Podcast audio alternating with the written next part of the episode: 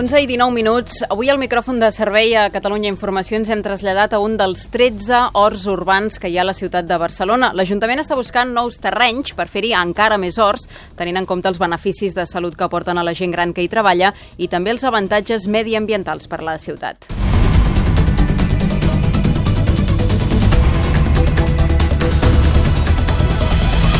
Diem, en un d'aquests horts i tenim la unitat mòbil amb el Santi Soler i la Cesca Armengol. Bon dia, Cesca. Hola, bon dia. Doncs estic envoltada de cabres, totes bastant nervioses, d'ovelles, aquestes més tranquil·les, que tenen com a veïnes les gallines i al corral del costat hi ha uns deu conills i també oques passejant. I tot el que pot abarcar la meva vista hi veig tomaqueres, plantacions de mongetes tendres, de patates i altres verdures i hortalisses, flors i també plantes aromàtiques. I tot això al centre de Barcelona, en concret al camí de Can Clos, al districte, al districte de Sants Montjuïc, a l'hort urbà de Can Mestres. Ara parlem amb el Pep Ordóñez, que és l'ànima mater dels horts urbans que es van crear l'any 1997. Pep, quanta superfície sumen els 13 horts i quants avis hi treballen? Aproximadament eh, tenim una superfície conreable d'uns 10.000 metres quadrats en totes els tre les 13 instal·lacions. I quants avis hi treballen? A veure, tenim eh, 353 parcel·les, però com que hi ha parcel·les destinades a entitats amb persones amb discapacitat, doncs aquests col·lectius fan que augmenti més els usuaris, anem cap a les 500 persones. Parlem una mica de la filosofia. I surt guanyant tothom aquí. El territori, eh, l'espai mediambiental que es treballa a la terra i també els avis que troben una sortida, una mica a la seva jubilació, al seu, al seu temps lliure i a la seva salut física i psíquica també, no?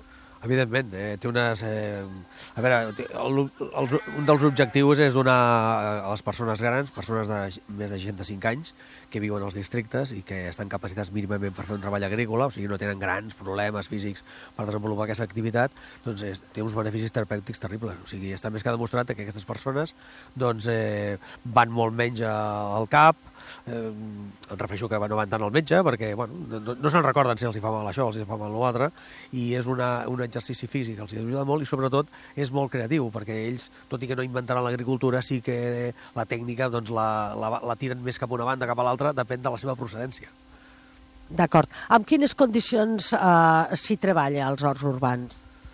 Eh, condicions a què es refereix? Però... A les condicions per quant temps es treballa la parcel·la i què se'n fa una mica dels de, els usos que tenen doncs, les verdures i hortalisses. Sí, a veure, eh, la, la parcel·la, nosaltres fem una sessió d'ús, l'Ajuntament una sessió d'ús dona per 5 anys. Eh, és, la, és el temps màxim que es pot tenir l'ús d'un tros de, de, de terreny municipal. Estem parlant d'horts que estan ubicats en terrenys de propietat eh, municipal de l'Ajuntament de Barcelona. Uh, a veure, s'ha de tenir 65 anys, viure en el districte, fer la sol·licitud quan s'obre el període d'inscripció, eh, no, no, no val enviar la sol·licitud a l'oficina d'atenció al ciutadà que trobem més a prop per posar-se en llista, sinó que s'ha de fer just quan es fa sobre el període d'inscripció.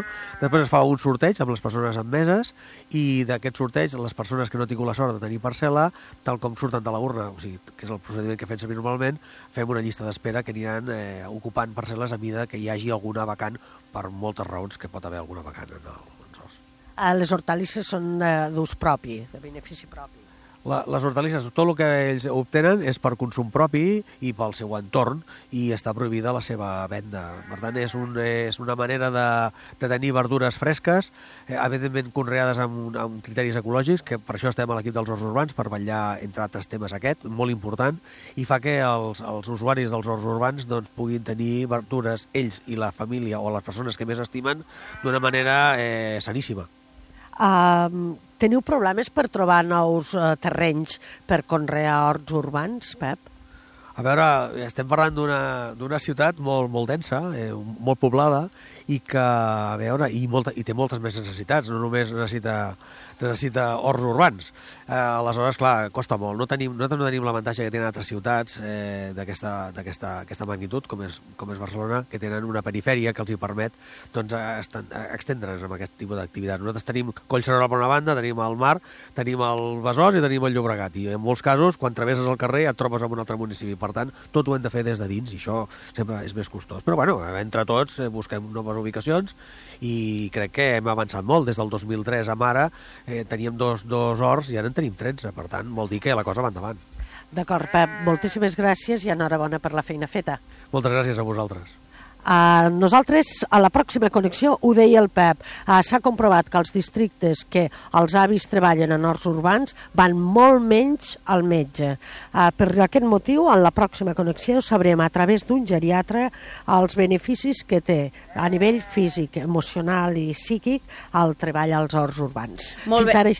Cesc, anava a dir gràcies i ens escoltem després. Gràcies a vosaltres. Bon dia.